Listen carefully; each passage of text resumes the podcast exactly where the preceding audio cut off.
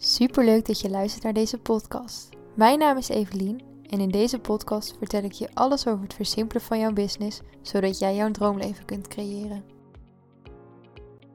Vanmorgen was ik in gesprek met iemand en zij stond op het punt om een lastige keuze te maken. Ik ga niet te diep in op welke keuze ze exact moest maken, maar in grote lijnen ging het om het kiezen van een studie.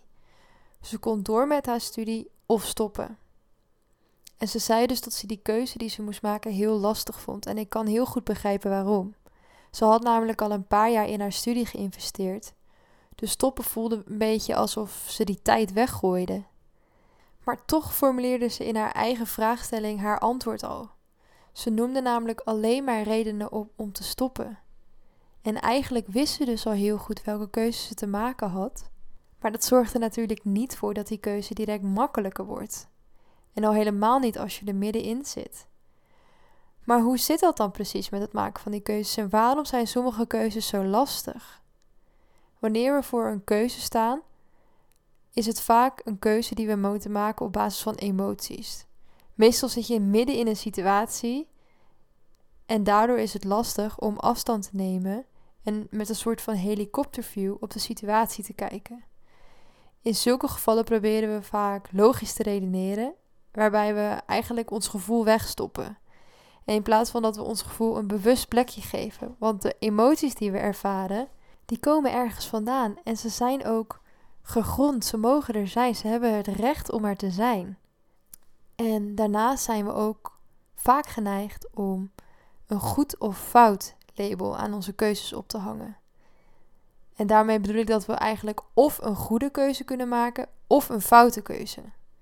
Maar is dat eigenlijk wel zo? Want als je het mij vraagt, zijn keuzes niet goed of fout. Dat is namelijk de waarde die we er zelf aan koppelen. we zeggen zelf dat een keuze fout is, of we zeggen zelf dat een keuze goed is.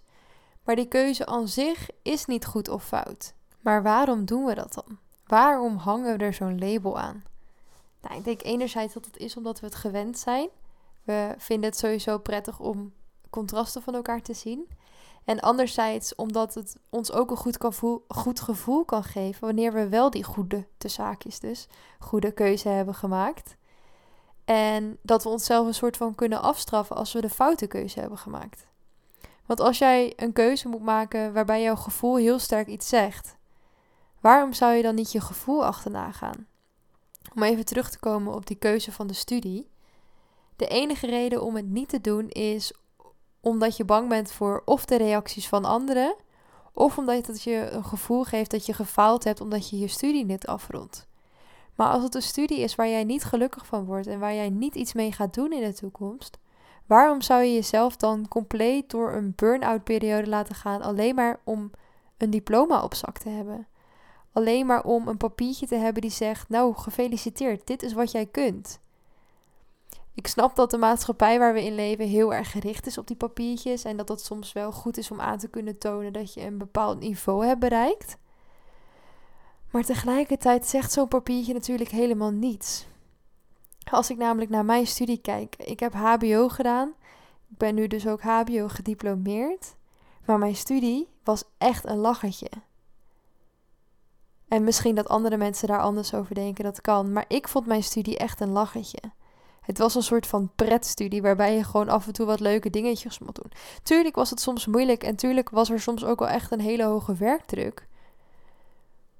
Maar als ik zie wat ik heb moeten doen om dat papiertje te halen, dan ja, voelt dat niet gelijkwaardig aan een papiertje van iemand die bijvoorbeeld HBO-recht heeft gedaan. Maar goed, ik dwaal nu helemaal af over het maken van die keuzes. Wat kun je dan doen om uh, het voor jezelf makkelijker te maken om zo'n moeilijke keuze te maken? En ik zeg overigens niet dat dit de manier is, hè, maar dit is wat ik zelf doe en dit is wat ik zelf heel prettig vind. Dus neem hiervan mee wat voor jou werkt. En als het niet voor jou werkt, dan is dat ook oké. Het is niet de enige manier waarop je die keuze kunt gaan maken. Wat ik meestal doe als ik een lastige keuze te maken heb, is dat ik allereerst um, letterlijk op papier opschrijf welke keuze ik moet maken. Um, daardoor haal ik die keuze die ik moet maken, haal ik wat meer uit mijn hoofd. En um, daardoor kan ik er zo meteen, wat ik zo meteen ga vertellen, ook wat makkelijker uitstappen. Dus stap 1 is eigenlijk schrijf de keuze die je te maken hebt op papier. Daarna ga je proberen om de emotie die erop zit los te koppelen van de keuze die je moet maken. Ik ben namelijk iemand die vrij emotioneel is aangelegd en daardoor kan ik niet altijd helder denken over bepaalde situaties. Wanneer iets bijvoorbeeld heel moeilijk en zwaar is, dan kan ik al heel snel in zo'n downward spiral, zeg maar, terechtkomen, waardoor alles helemaal zwaar en kut is. Dus eigenlijk, ik bedoel niet dat je je gevoel dus moet wegstoppen. Je gevoel mag er zijn en je gevoel mag je ook een plekje geven, maar probeer het even los te koppelen van de keuze die je moet maken. Dus dan wordt de keuze eigenlijk alleen nog maar de zinnen die op het papier staan. Nou, ik pak hier eventjes die studie uh, als voorbeeld, want dan wordt het wat makkelijker om het uit te leggen. Stel je voor, ik ben nu dus uh, die studie aan het doen en daar twijfel ik over. Het geeft me een zwaar en moeilijk gevoel en ik haal er geen voldoening uit. En eigenlijk heb ik spijt dat ik ooit met die studie begonnen ben. Dan ga ik dus kijken, wat levert het mij op als ik wel doorga met die studie?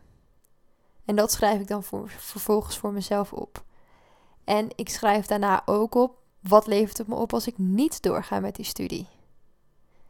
En in het geval van uh, mijn toekomst bijvoorbeeld, heb ik die studie nodig voor mijn toekomst? Wil ik echt iets met die studie gaan doen? Of zou ik eigenlijk ook heel goed zonder die studie verder kunnen? Nou, en als ik dan het zwart-witte lijstje zeg maar heb opgeschreven, dan ga ik kijken naar wat het me emotioneel oplevert als ik stop of als ik doorga. Dus eigenlijk doe je dan weer hetzelfde, alleen pak je dan echt puur de emotie. Dus stel ik ga door, wat levert het mij dan op? Krijg ik er energie van? Nee. Krijg ik er zingeving van? Nee. Dus eigenlijk levert het mij op dat ik moe, gestrest en me zwaar voel. En als ik stop, kan dat dus betekenen dat ik juist weer meer energie krijg en meer zin krijg om andere dingen te doen. Dan kan ik mijn tijd focussen op andere dingen. Daarna plaats ik de situatie in de toekomst. Stel, ik kies ervoor om door te gaan. Dus ik ga door met die studie. Dan kijk ik, wat zou ik kunnen doen om die studie toch nog leuk te maken? Zijn er bepaalde factoren waar ik invloed op heb, die ik positiever kan maken, zodat die studie beter draagbaar wordt? Of zodat ik er misschien zelfs zin in kan krijgen? En probeer in deze oefening dus ook echt helemaal vanuit jezelf te kijken. Dus niet vanaf de invloed van anderen. Niet wat zullen andere mensen ervan denken als ik met die studie stop. En al die gedachten, die laat je hierbij even helemaal varen. En ik snap dat dat misschien heel lastig is. Vooral als je heel erg graag uh, dingen goed wil doen voor anderen. Maar bij deze oefening gaat het echt alleen om jou. Om jou en jouw gevoelens. En als je merkt dat je nog steeds heel erg denkt van, oh, maar wat nou als er iets heel ergs gaat gebeuren als ik toch stop?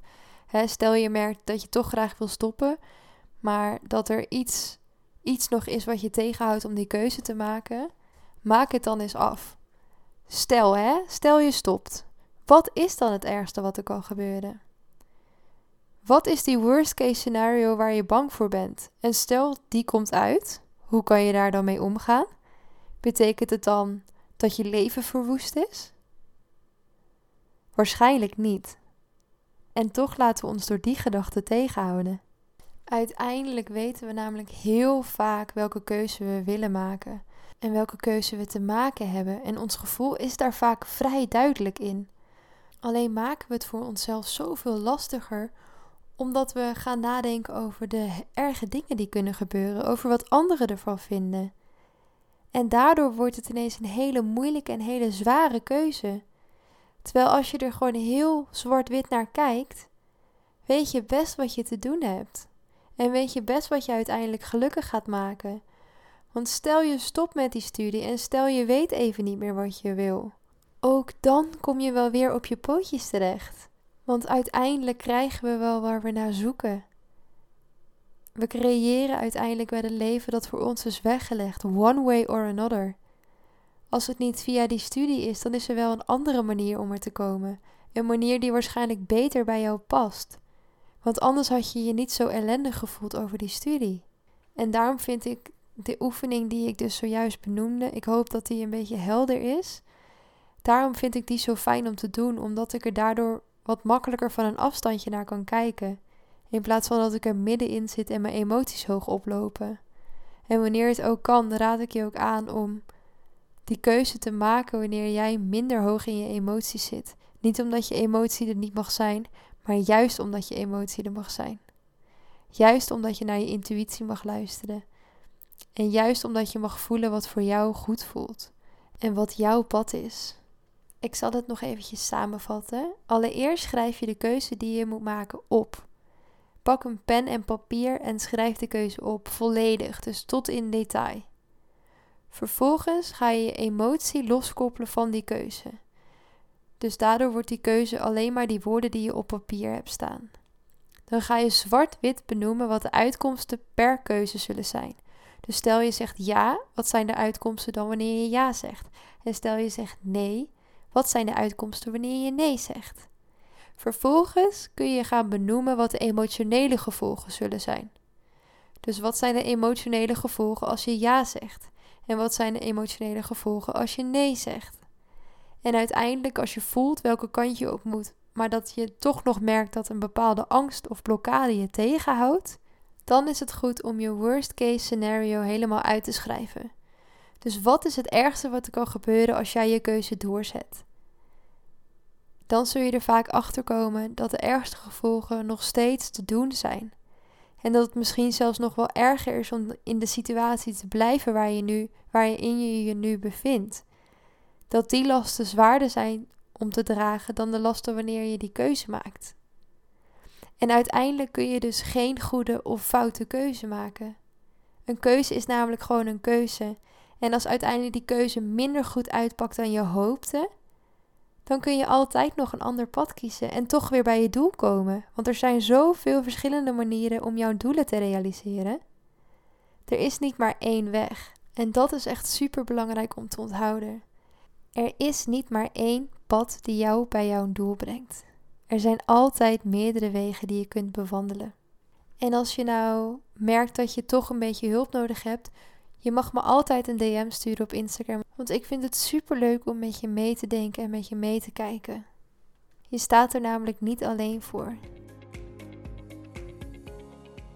Dankjewel voor het luisteren. Als je deze aflevering interessant vond, deel hem dan vooral even op je Instagram en tag mij, evelien.vdploeg. Mocht je meer willen weten, neem dan een kijkje op mijn website, evelienvanderploeg.nl. En tot de volgende keer.